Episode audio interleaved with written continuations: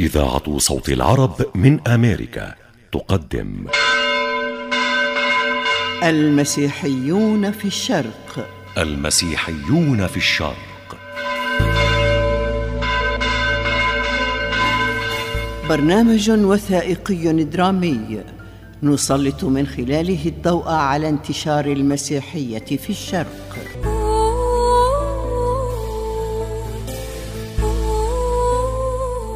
البحث والتوثيق الأستاذ الدكتور معن الحسيني.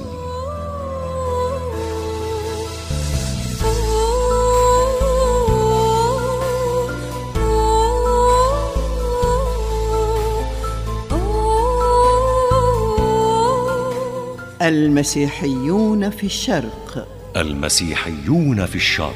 الإعداد الدرامي والإخراج مازن لطفي.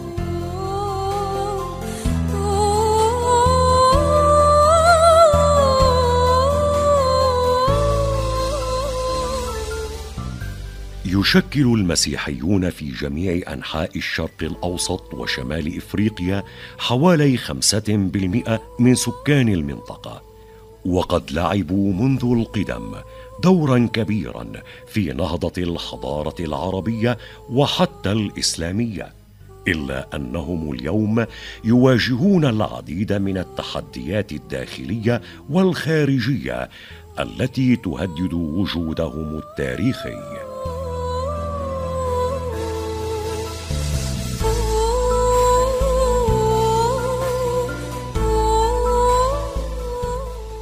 برنامج المسيحيون في الشرق يستعرض نشأة المسيحية في الشرق وأهم إسهاماتها والتحديات التي تواجهها اليوم في المنطقة.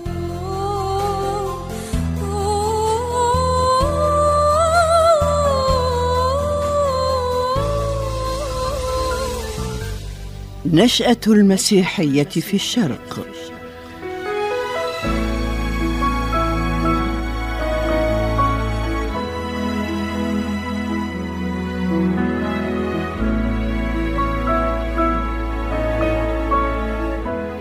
دخلت المسيحية إلى مناطق العرب التاريخية في شبه الجزيرة حوالي القرن الثاني. ويذكر الطبري والمقريزي وابن خلدون والمسعودي أن بضعا من تلاميذ المسيح عليه السلام هم من بشروا في أصقاع الجزيرة العربية وهم على وجه الخصوص متى وبرثلماوس وتداوس. وقد تقوت المسيحية العربية فيها بعد تنصر قبائل كبيرة كليا أو جزئيا. أمثال تغلب وطي وكلب وقضاعه وتنوخ. فضلا عن المناذره مؤسسي المملكة العربية جنوب العراق.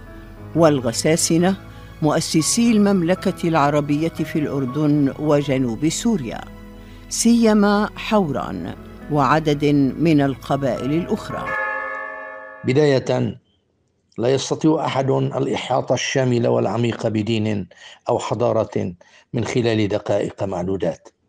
ذلك يتطلب الكثير من العناء والبحث والتمحيص والعودة إلى المراجع وإلى التاريخ والآثار ليستشف غنى هذه الحضارات والأديان.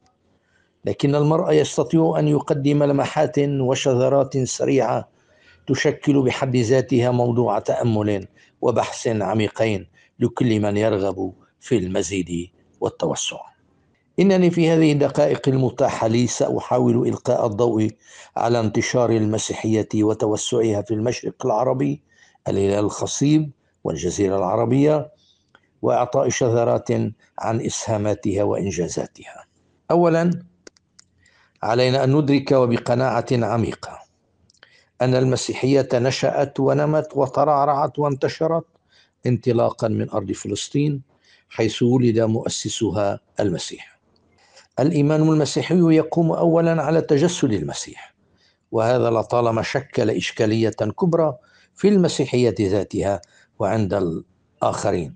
فتتشكل كنيسة المسيح من الذين نالوا العمادة وأيدوا إنجيله وسلكوا الطريق الذي أعدها لمن يرغب أن ينال الخلاص ويحصل على الأبدية.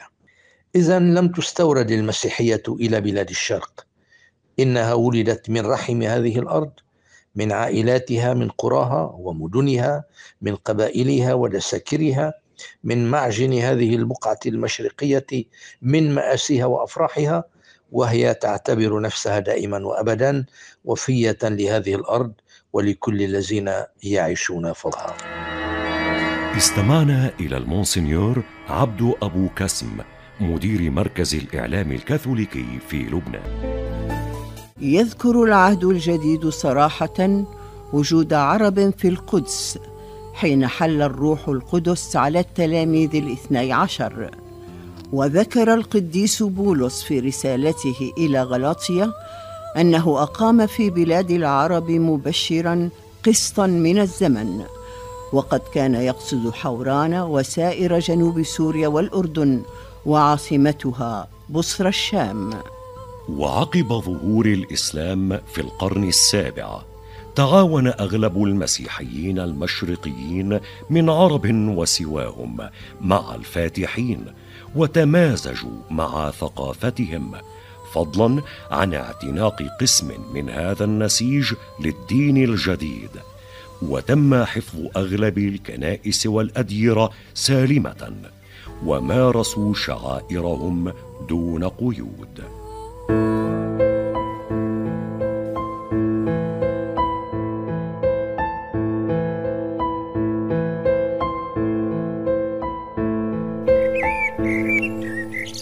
انعم الله علينا بهذه الأرض الطيبة التي نعيش عليها آمنين.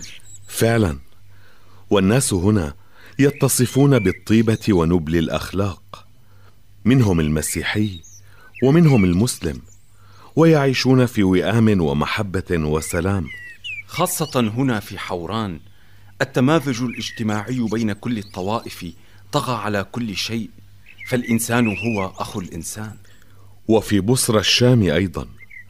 أرى الناس هناك وكأنهم من ديانة واحدة يعيشون في وئام ومحبة. كل الفضل في ذلك للقديس بولس الذي دعا إلى المحبة والسلام بين كل الناس. في أورشليم وشرقي نهر الأردن وبلاد الشام حتى في بلاد الرافدين. حقا. ها نحن نمارس شعائرنا الدينية بحرية تامة ودون قيود. هيا بنا إلى الكنيسة. فقد حان وقت الصلاة.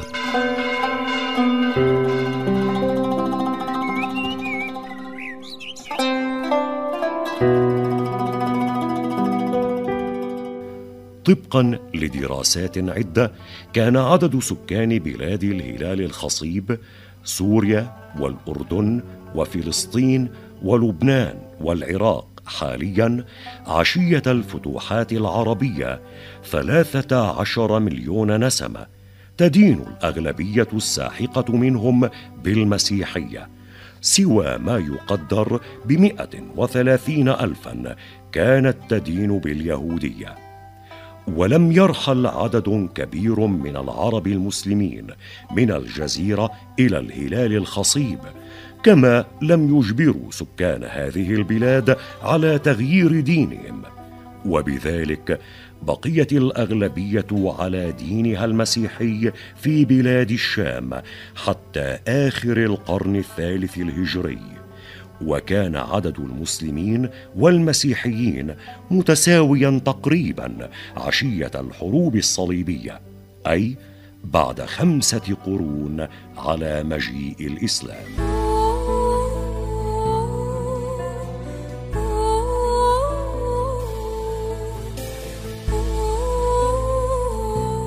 هذا البرنامج برعاية مرحبا عندك بيت للشراء مناسب لعائلتنا؟ أهلا وسهلا أكيد عندي. بيت واسع وحلو على شارعين وإطلالة وبأرقى منطقة وبتسكنوه فورا. ما بيحتاج صيانة وممكن تبيعوه بضعف الثمن. بعد ست شهور وتأجروه بأعلى رقم إذا حبيتوا. وقريب من كل شيء. انتبه! بيع وشراء العقارات عملية معقدة تحتاج خبيرا عقاريا متخصصا وموثوقا ويحفظ لك حقوقك. نيك نجار لديه خبرة 28 عاما في مجال بيع وشراء العقارات السكنية والتجارية وحاصل على جوائز وشهادات عدة في هذا المجال ويتحدث العربية والكلدانية. اتصل الآن بنيك نجار وسيطك العقاري الموثوق. واحصل على استشارة مجانية. 586 206 9000 586 206 9000 نيك نجار؟ خبير العقار.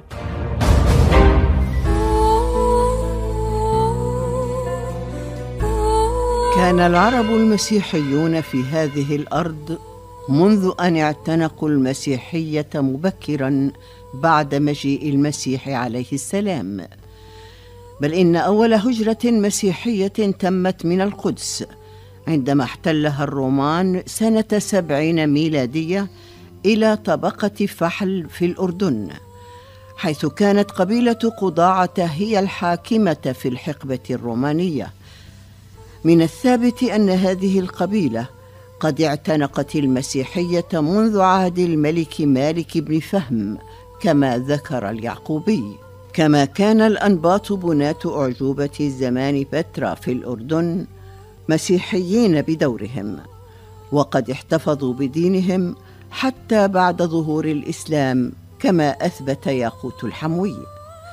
أما في سيناء التي كانت تتبع اداريا للكنيسة المصرية ومقرها الإسكندرية فقد انتشرت المسيحية بقوة أيضا. ويذكر أن ميتا الذي خلف يهوذا الإسخريوطي هو من بشر في سيناء.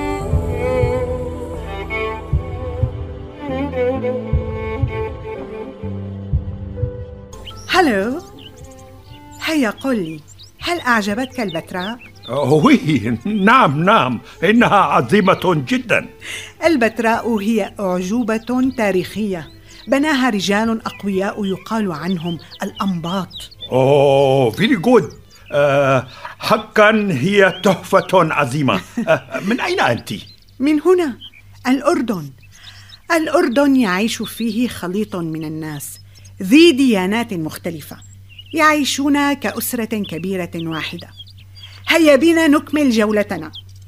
ها, ها هو البولمان. جاء ليقلنا إلى عمان. تفضل. حسنا.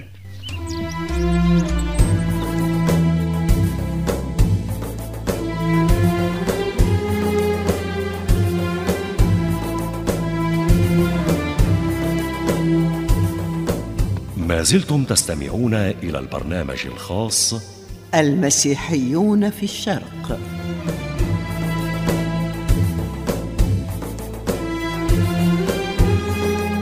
كان لليمن حصة هامة في المسيحية العربية فقد ذكر مؤرخون من أمثال روفينوس وهيرودوس أن القديس متى هو مبشر اليمن والحبشة.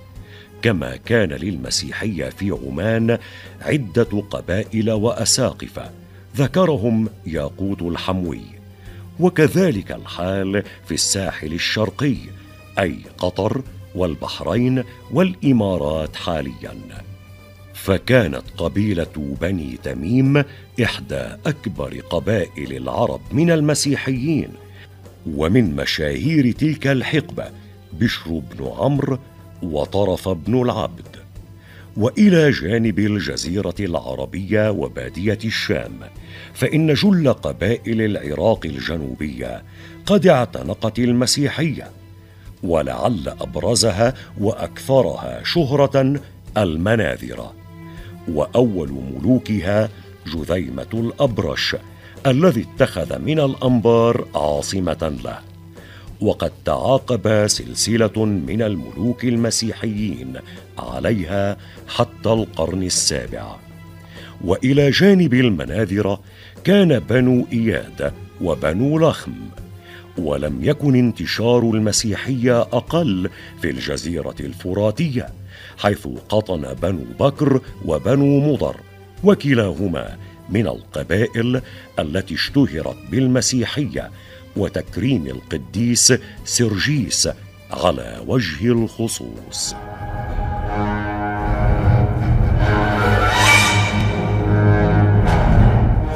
أرأيت أيها الوزير لقد اتسعت رقعة الشطرنج هنا في العراق وها نحن قد وصلنا إلى الأنبار.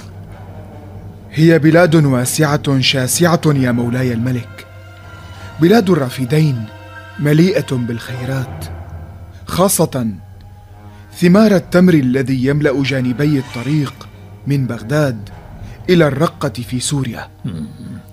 في الأيام القادمة سوف نذهب إلى هناك فأنا أتوق إلى القيام بجولة في سوريا خاصة منطقة الفرات الغنية. هي بلاد جميلة يا مولاي والديانة المسيحية سوف تنتشر هناك عاجلا أم آجلا. والمبشرون يقومون بما عليهم من أجل ذلك. غدا يبدأ صومنا. وعليك أن تقدم المساعدات السنوية لكل عائلة فقيرة. ولا تنسى العائلات المسلمة أيضا. فنحن وهم نعيش في سلام ومحبة والأرض تتسع للجميع. أما في مصر فقد وصلت المسيحية إليها عن طريق القديس مرقس الذي وصل إلى الإسكندرية حسب ما يتفق عليه المؤرخون حوالي عام واحد وستين قادما من ليبيا حيث بشر هناك أولا بعد أن عاد من روما على ما يذكر ساويروس ابن المقفع في كتابه تاريخ البطاركة ويعد القديس مرقس مؤسس الكنيسة القبطية. صاحب النمو المضطرد المسيحيين في الإسكندرية وضواحيها أواخر القرن الأول رغم الاضطهاد الروماني لهم وخاصة إثر وفاة البابا عام ثلاثة وتسعين. حيث لم ينتخب خلفه حتى عام خمسة وتسعين بسبب الاضطهادات وملاحقة المسيحيين. وعلى الرغم من ذلك فقد توافق الأساقفة على بطريرك جديد. ما يدل أنه وعلى الرغم من الاضطهاد الذي لحق بالمسيحيين بعد نصف قرن تقريبا على وجودهم في الإسكندرية إلا أن أساس كنيستهم كان من القوة بحيث لم ينقرض أو يباد باختلاف أنواع الاضطهاد. ويقدم ويل ديورانت بعض المميزات الاجتماعية للجماعات المسيحية في القرون الأولى بما فيها جماعة مصر. فيقول كانت الأخلاق المسيحية عاملا من عوامل انتشار الديانة وازدجارا لقيم المجتمع الإغريقي ووضعا لقانون يهذب حياة الإنسان خصوصا بعد فشل الفلسفة الرواقية في الأخلاق. في سوريا نحن لا نتكلم عن أكثرية أو أقلية فالمسيحيون ليسوا عددا هم شريحة أساسية مواطنون يؤمنون بالمواطنة والعيش المشترك فالدين لله والوطن للجميع. يشترك مسيحيو سوريا بالمواطنة ويمارسون واجباتهم في حياتهم وطنيا سياسيا وثقافيا وفي بناء الوطن مع كل شرائح المجتمع العربي السوري. المسيحيون في سوريا هم سكان سوريا الأصليون.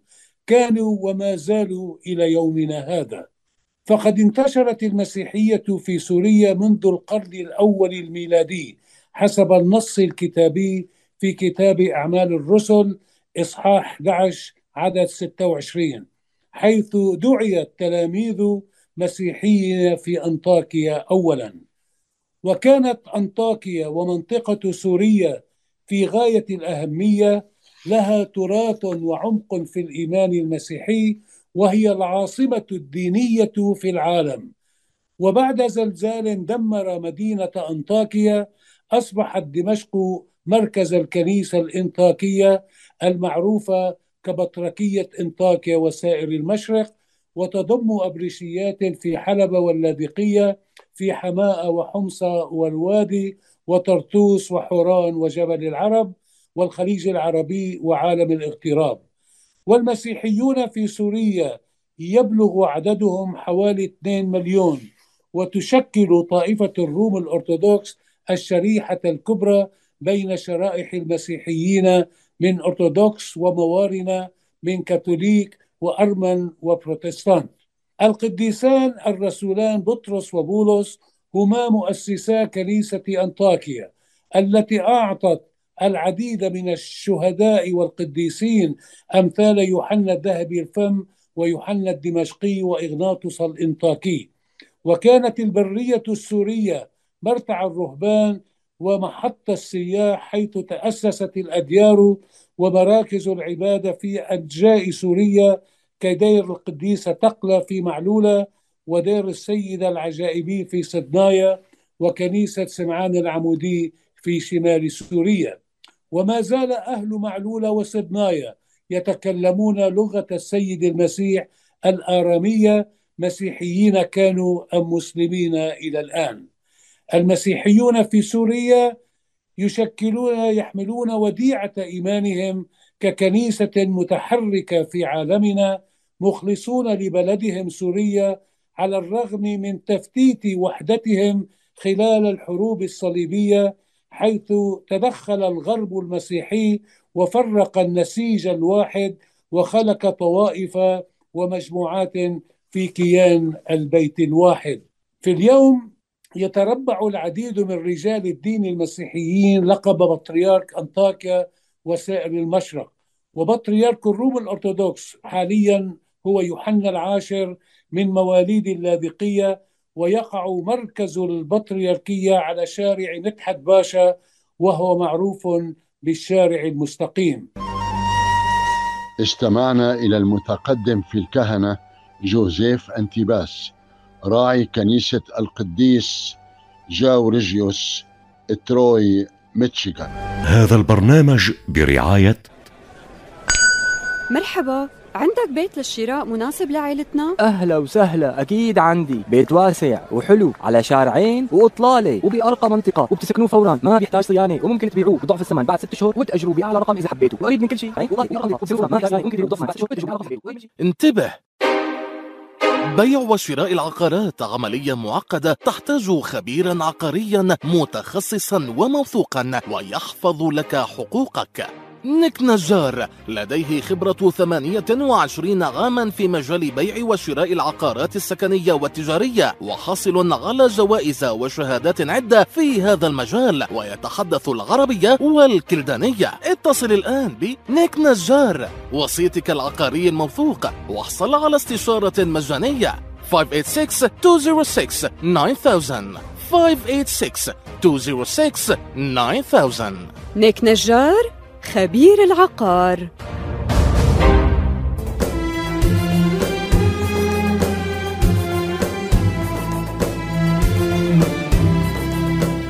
إسهامات مسيحيي الشرق في الحضارة العربية.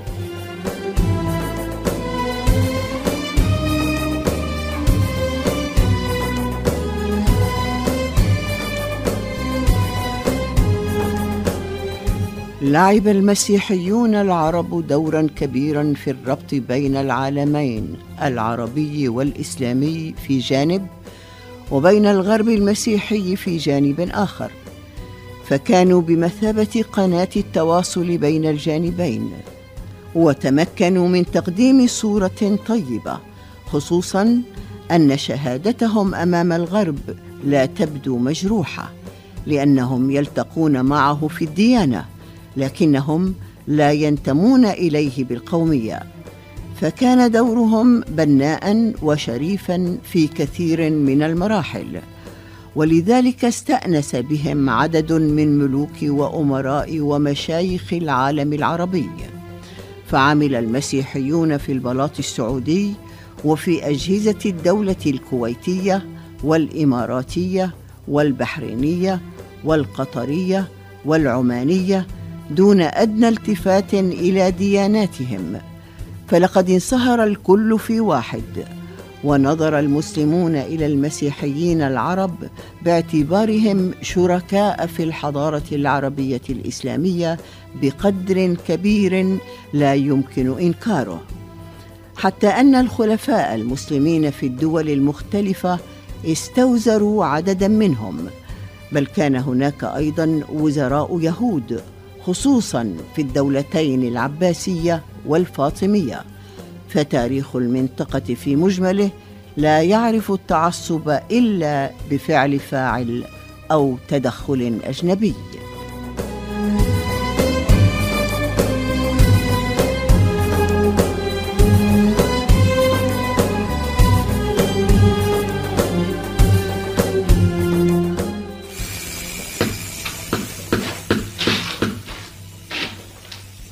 ألم يحن وقت الراحة؟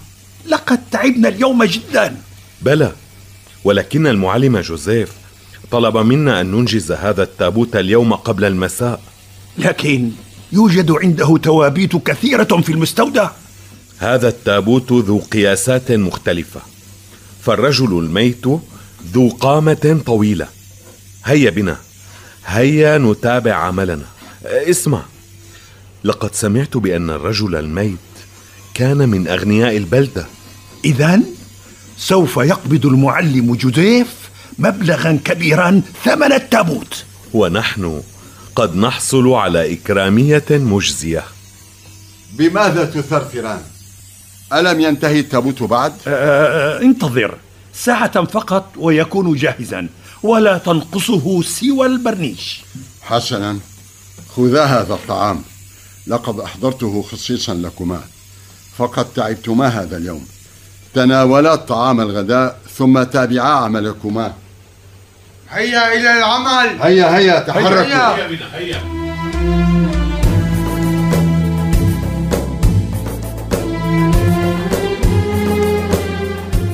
جميل ما سمعناه يعد إسهام المسيحيين العرب في دعم اللغة العربية أمرا اشتغلت به الأديرة. فاحتوى بعضها كنوزا من المخطوطات وأمهات الكتب في الفكر العربي بل والثقافة الإسلامية. وقد ساهم المسيحيون في تمكين فصاحة اللغة وروعة البيان في القرون المنصرمة. وهناك طرفة شهيرة عن مكرم عبيد باشا المحامي والسياسي الشهير حين كان يترافع أمام المحكمة في إحدى القضايا الكبيرة مسترشدا بآيات من القرآن الكريم. فداعبه القاضي المسلم قائلا أو مؤمن أنت يا مكرم باشا بما تقول؟ فرد عليه لكنني متأكد من أن المحكمة تؤمن به. ولقد لعب البابا الراحل شنود الثالث دورا عظيما في تأكيد عروبة الأقباط بمنطق العيش المشترك والثقافة الواحدة حتى أطلق عليه الجميع بطريرك العرب كما كان داعما للقضية الفلسطينية بشكل غير مسبوق. لقد كان المسيحيون العرب في المهجر روادا لإحياء الإحساس القومي والمضمون المشترك الذي يجمع كل من تكون لغتهم الأولى هي العربية ولا يزالون يحتفظون بالطقوس الشرقية كاملة وتنظم شؤونهم الكنسية ما يعرف في الكنائس الشرقية عامة باسم أبرشيات المغترب. وقد لعبت الرابطة القلمية في نيويورك دورا في إحياء النهضة العربية حيث تألفت من أدباء المهجر بهدف ضم قواهم وتوحيد مسعاهم للنهوض باللغة العربية وآدابها. وكان من أهم أعضائها جبران خليل جبران نسيب عريضة ويليام كاتفليس ميخائيل نعيمة إيليا أبو ماضي.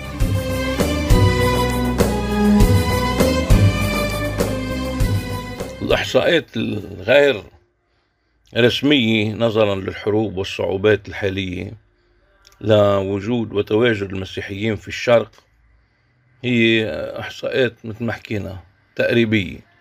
ولكن رح نعطي نبلش بلبنان يلي هو في أكثر وجود مسيحي ورئيس الجمهورية لازم يكون مسيحي ماروني بالذات. هن حوالي المليونين مليونين ونص مسيحي. بسوريا في حوالي المليونين كمان مسيحي. بالعراق حوالي 3 ملايين. في مصر حوالي العشرين مليون. وفي فلسطين حوالي المئة ألف. وفي الأردن حوالي الخمسين ألف. طبعا هالأرقام هي للأسف بتراجع. لأنه الحروب والصعوبات اللي عم نعيشها والغيوم السوداء بتأثر على كل المواطنين بتأثر عليهم هن بنوع خاص وبيحاولوا مثل ما بيقولوا يخلوا الساحة أو يغيروا البلدان أو يهجروا أو يهجروا إلى آخره. بهالمناسبة كمان بتمنى إنه توقف كل الحروب. وعم السلام وترجع الناس للتعاون مع بعض البعض ترتقي بالمحبة محبة القريب ومحبة الله ترجع تعيش في قلوبنا جميعا. الحروب والصراعات الحضارية هي قاتلة لروح الإنسان الخلاق والفرحان وهي تهدم التاريخ البشري الراقي والعظيم بترجع الإنسانية للوراء. نحن لازم نتجه نحو الأمام ونحط مثل ما بيقولوا الحروب خلفنا ونتوجه نحو الترقي والرقي نحو النور يلي الله حطه بقلوبنا جميعا نحن البشر. هيدي أمنيتي إنه نعيش بخير وسلام والله يحميكم جميعا. استمعنا إلى الأب جان جبور. كاهن في كنيسة حنا مرقس جبيل لبنان. التحديات التي يواجهها مسيحيو الشرق اليوم. تعتبر الهجرة والتهجير إحدى الملمات التي أصابت مسيحيي بلاد الشام عموما على مر التاريخ. فعندما أتت الحملات الصليبية إلى بلاد الشام اعتبرت أن العرب المسيحيين هراطقة لمجرد اتباعهم مذاهب مسيحية شرقية تختلف عن المذاهب الغربية فاضطهدوا العرب المسيحيين أيضا وحين احتلوا القدس عام 1099 قتلوا معظم من فيها من مسلمين ومسيحيين. وفي أعقاب حرب عام 1948 التي أفضت إلى ميلاد إسرائيل مسحت عن الوجود قرى مسيحية بأكملها على يد العصابات الصهيونية وطرد أهلها أو قتلوا ودمرت كنائس اللد وبيسان وطبريا داخل إسرائيل حاليا أو أغلقت بسبب انعدام الوجود المسيحي فيها. كما كانت أغلبية القدس الغربية من المسيحيين الذين قامت العصابات الصهيونية بتهجيرهم وإنشاء أحياء سكنية يهودية فيها.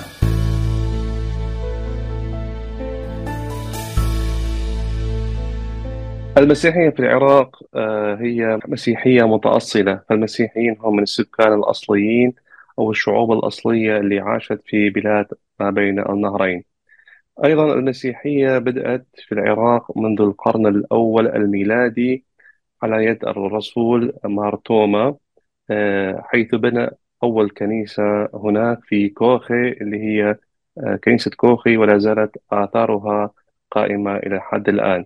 طبعا من ذاك التاريخ إلى يومنا هذا نشأت في هذه البلاد أو في هذا المكان عشرات الأديرة والكثير الكثير من الكنائس. كما اشتهرت في هذه البلاد كنيسة المشرق التي امتدت من بلاد ما بين النهرين إلى الهند والصين علما أن هناك آثار باللغة الآرامية الكلدانية قائمة لحد الآن في الصين وأيضا هناك جماعات كنسية حية لحد يومنا هذا في الهند ويدعون بالملابار ويتعدى عددهم آه، الملايين ويتشاركون معنا بنفس الثقافة والليتورجية طبعا المسيحية كان لها دور كبير آه، وأبرز هذه الأدوار كان في عصر العباسي حيث ترجم الرهبان آه، الفلسفة والمعارف الغربية من اليونانية إلى الآرامية وإلى العربية. وكانت الكتب الفلسفية آه، تملأ المكتبات العربية بفضل ترجمات الآرامية. آه، أكيد المسيحية امتدت لقرون عديدة. مع ذلك لم يخلو الوضع أو الوقت الذي قضى به هذه الكنيسة. تاريخها في هذه البلاد من الاضطهادات ومن العثرات والعقبات فتوالت عليها الاضطهادات والتهجير إلى آخره. واليوم أكيد آه، التاريخ آه، نستطيع أن نقول يعيد نفسه حيث يعاني آه، الكثير من المسيحيين الاضطهاد بشكل أو بآخر في العراق. ولو إذا كان بشكل جزئي فالمعاناة لا زالت قائمة بسبب التعصب. لكن هذا لا يمنع من أن المسيحية استمرت. وهذا دليل على أنه كان هناك علاقات حسنة وجيدة علاقات أخوية بين المسيحيين وبين السكان المحيطين بهم سواء كانوا من المسلمين أو من الأديان الأخرى لأن هناك تعددية آه، دينية بالعراق. آه، لكن هل تحديات تبقى موجودة في تاريخ كل أمة وتاريخ كل شعب؟ لكن المهم كيف يبقى هذا الشعب أو كيف يحافظ على بقائه؟ الشيء اللي أحب أقدمه أكيد آه، بهالشهادة الشعوب حتى تستمر لازم تكافح وكفاح المسيحيين مستمر في العراق بالأخص كفاح الكنيسة الشرقية الكلدانية اليوم أو الكنيسة الكلدانية أو أي كنيسة كانت في العراق آه، تبقى آه، بفضل قيامها برسالتها مشاركتها مع آه، الديانات الأخرى آه، المحيطة بها في كل ما يتعلق آه، بها ككنيسة أو كشاهدة للإيمان المسيحي في هذه البلاد. كل الشكر للأب آرام روميل حنا كاهن كلداني في أبرشية مارتوما ميشيغان أمريكا.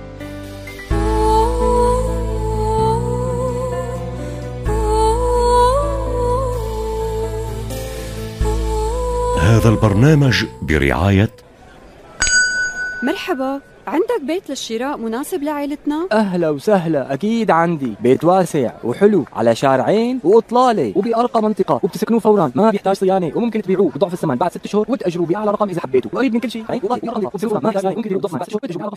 انتبه.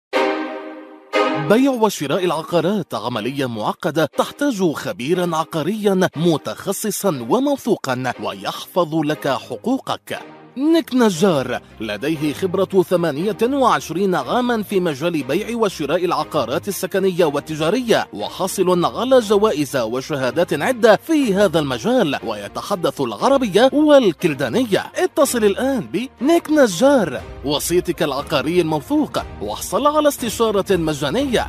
586 206 9000 586 206 9000 نيك نجار؟ خبير العقار. ويذكر المؤرخ الفلسطيني سامي هداوي أن نسبة تهجير العرب من القدس بلغت 37% بين المسيحيين مقابل 17% بين المسلمين. في تلك الفترة وضعت وثيقة نختار الحياة. التي أعدها نخبة من المفكرين واللاهوتيين المسيحيين توصيفا للسياق الذي يعيش فيه المسيحيون في الشرق الأوسط وعرضت التحديات التي يواجهونها وطرحت سؤال الهوية على مسيحيي الشرق وهو سؤال طالما أرق المسيحيين العرب في عصر العولمة بعدما توزعت انتماءاتهم ومشاربهم لهويات عدة.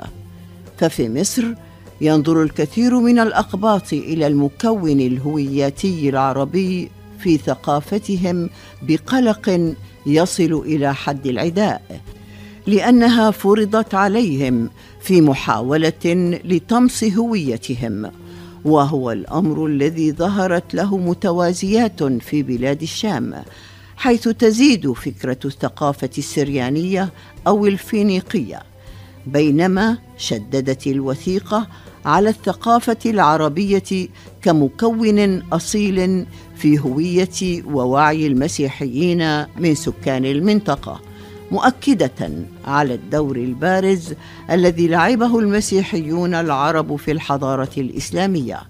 حيث عاشت مسيحيتهم إلى جوار الإسلام قرونا طويلة تاريخ العرب المسيحيين بدأ مع انتشار المسيحية على أيدي الرسل أي قبل الإسلام. عبر فترات زمنية مختلفة ويشمل تأثيرات متنوعة نتيجة للتفاعلات مع الثقافات المجاورة والأحداث التاريخية المتغيرة. يعتبر وجود المسيحية في منطقة العرب قبل الإسلام جزءا من السياق الديني والثقافي الواسع في شبه الجزيرة العربية وبلاد الشام وشمال أفريقيا. المسيحية إذن هي ديانة شرقية وأول من اعتنق المسيحية هم من سلالة النبطيين.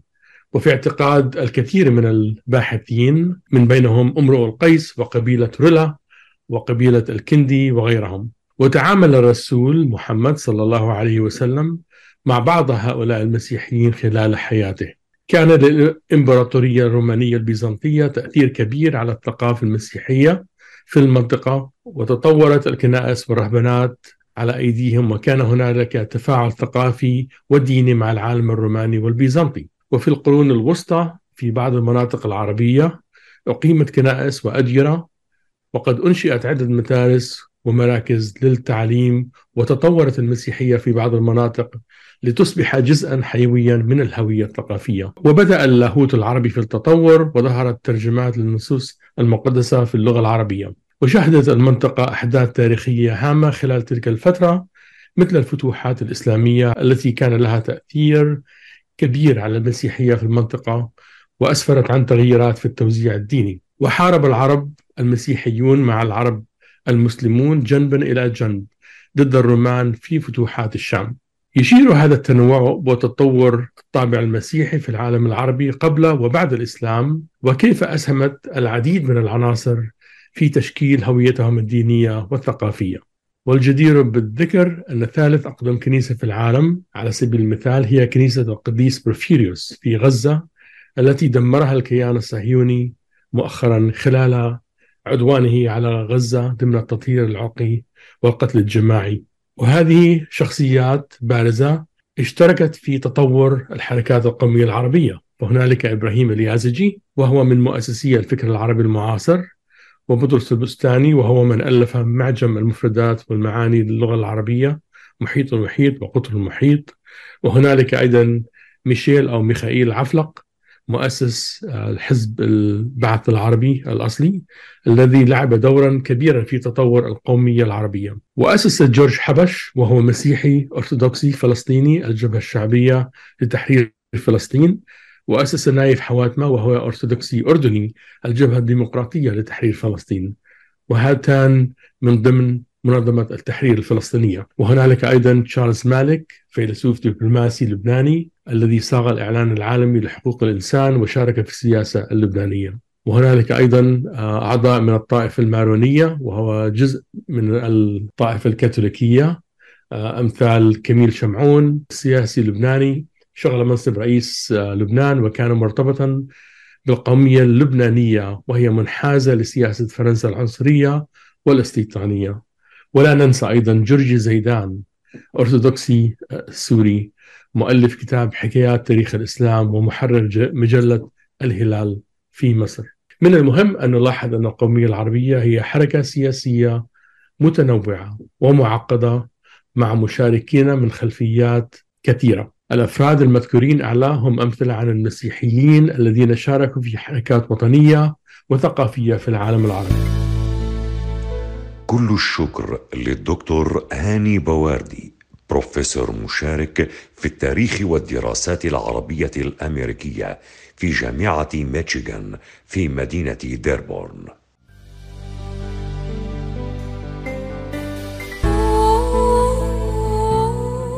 وقد أشارت الوثيقة أيضا إلى ما جرى في السنوات الأخيرة من تغييرات كبرى شهدتها منطقة الشرق الأوسط التي عجت بالحروب بالوكالة وإعادة إنتاج العصبيات الطائفية والمذهبية وهو الأمر الذي عمق شعور المسيحيين بالأقلية مقابل أكثرية مسلمة ما يطعن أنموذج التنوع والتعددية.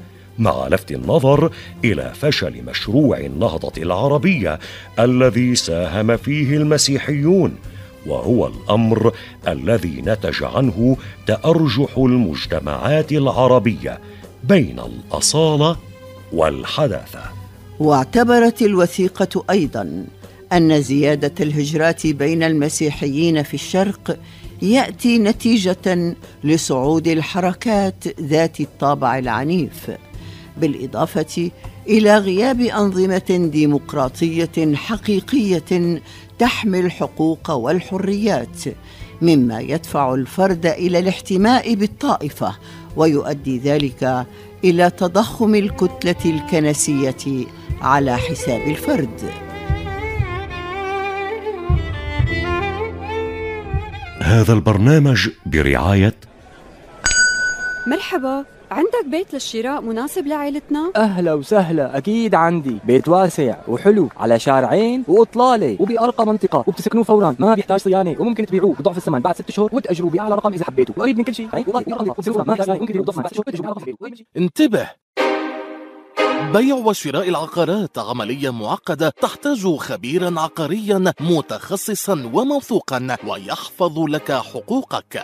نيك نجار لديه خبرة 28 عاما في مجال بيع وشراء العقارات السكنية والتجارية وحاصل على جوائز وشهادات عدة في هذا المجال ويتحدث العربية والكلدانية. اتصل الآن بنيك نجار وسيطك العقاري الموثوق واحصل على استشارة مجانية.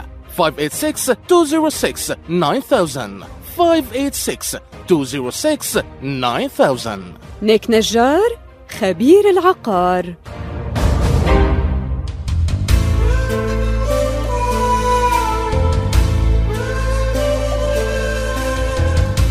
رغم هذه التحديات يبقى مسيحيو الشرق يشكلون مكونا هاما في الفسيفساء الديمغرافي لمنطقة الشرق الأوسط والذي لا يمكن أن يزدهر دون تناغم جميع قطاعه المختلفة على امتداد الرقعة الجغرافية لهذه المنطقة.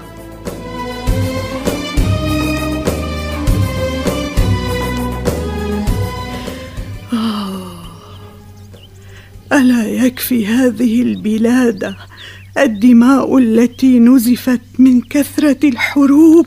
آه. الحروب تؤجج العنصرية والطائفية.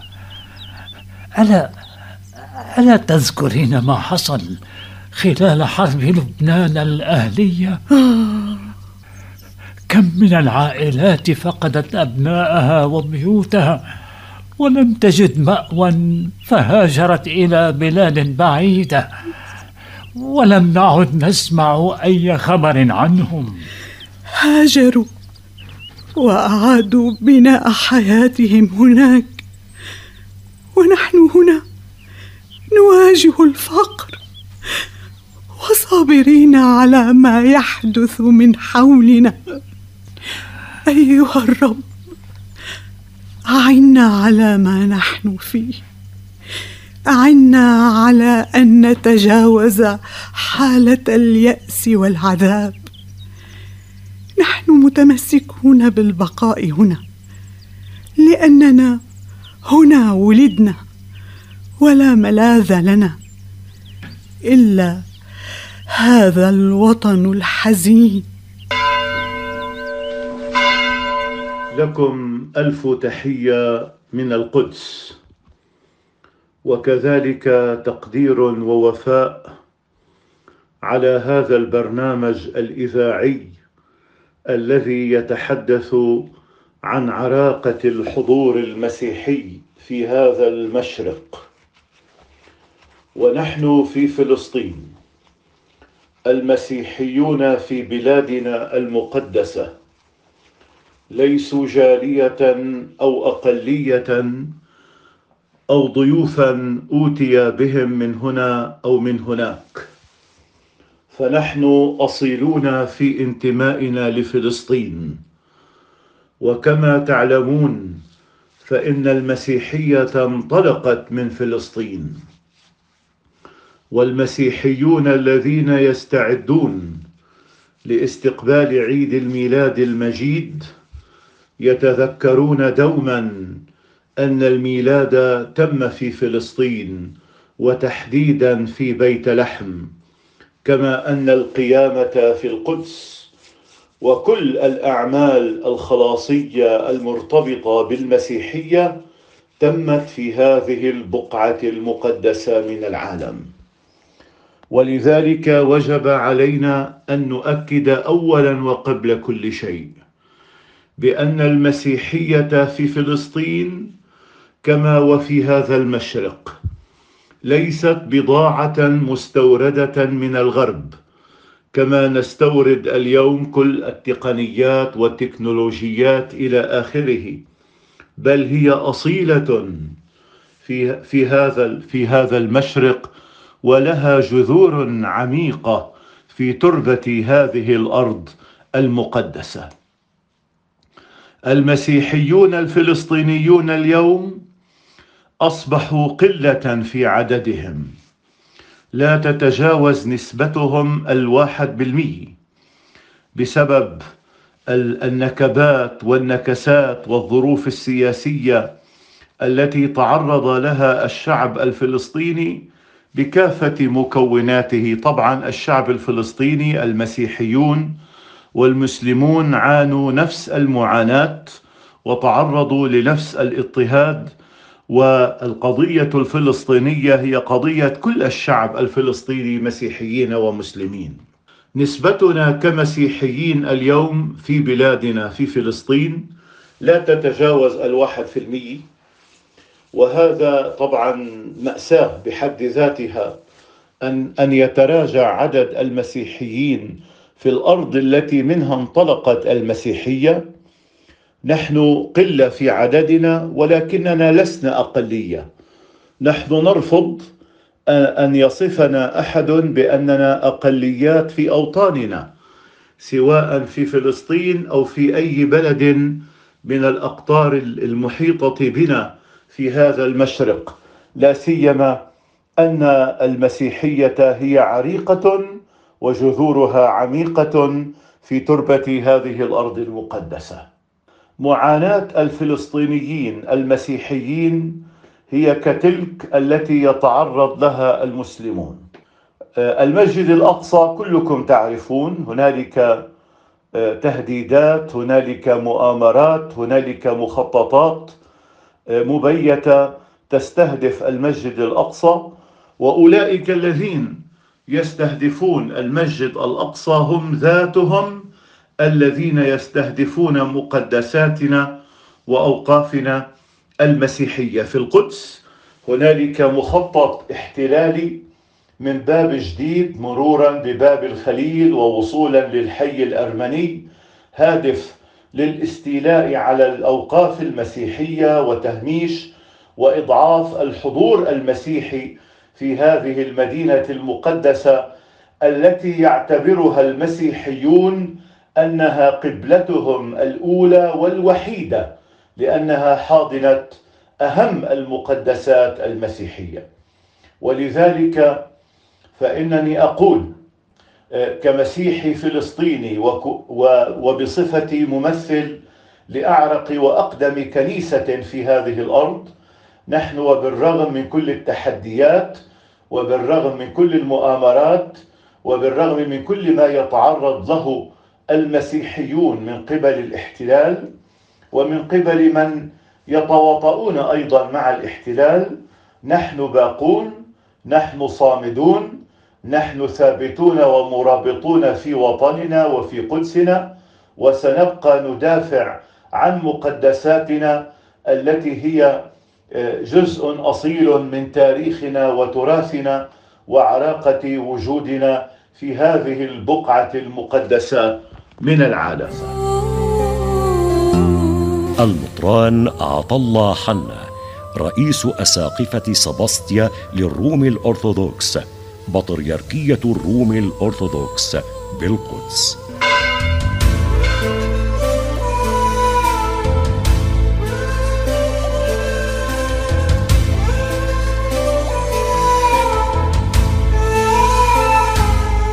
قدمنا لكم البرنامج الخاص المسيحيون في الشرق.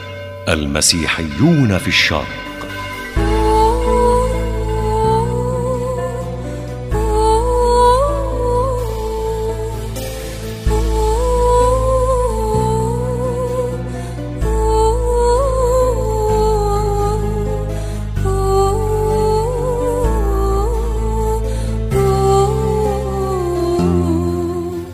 البحث والتوثيق الأستاذ الدكتور معن الحسيني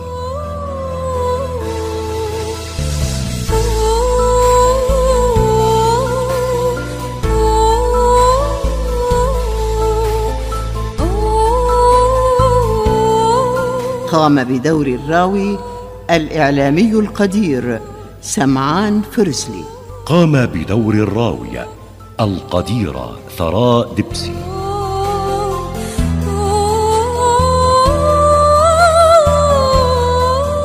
المسيحيون في الشرق. المسيحيون في الشرق. الإعداد الدرامي والإخراج مازن لطفي.